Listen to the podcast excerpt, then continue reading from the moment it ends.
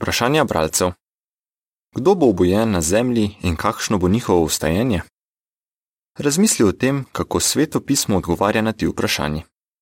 Iz apostolskih del 24:15 izvemo, da bo Bog obudil življenje tako pravične kot nepravične.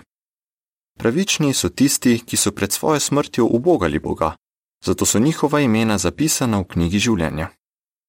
Nepravični pa so tisti, ki pred svojo smrtjo niso imeli dovolj priložnosti, da spoznajo Jehova. Zato njihova imena niso zapisana v knjigi življenja.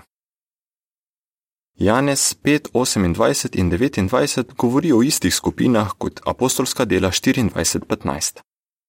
Jezus je rekel, da bo vstajenje za tiste, ki so delali dobro, pomenilo življenje, za tiste, ki so delali slabo, pa sojenje. Pravični so delali dobro, preden so umrli. Za nje bo vstajenje pomenilo življenje, ker bodo njihova imena še vedno zapisana v knjigi življenja. Nepravični pa so delali slabo, preden so umrli. Za nje bo vstajenje pomenilo sojenje. Njihova imena še ne bodo zapisana v knjigi življenja. Sojenje bo potekalo v tem smislu, da se bo skrbno opazovalo njihovo vedenje. V tem času bodo imeli priložnost, da se učijo o Jehovu in da se njihova imena zapišejo v knjigo življenja. Razodetje 20, 12 in 13 pojasnjuje, da bodo vsi obojeni morali obogati to, kar bo pisalo v zvitkih, nove zakone, ki bodo veljali v novem svetu. Kdor jih ne bo upošteval, bo odstranjen. V Danielu 12.2 piše, da bodo nekateri obojeni prijeli večno življenje, drugi pa sramoto in večno zaničevanje. Ta vrstica govori o tem, kaj se bo na zadnje zgodilo s tistimi, ki bodo obojeni. Eni bodo prejeli večno življenje, drugi pa večno zaničevanje. Torej bodo ob koncu Kristusove tisočletne vlade nekateri prejeli večno življenje, drugi pa bodo za večno uničeni. Razmisli o ponazoritvi.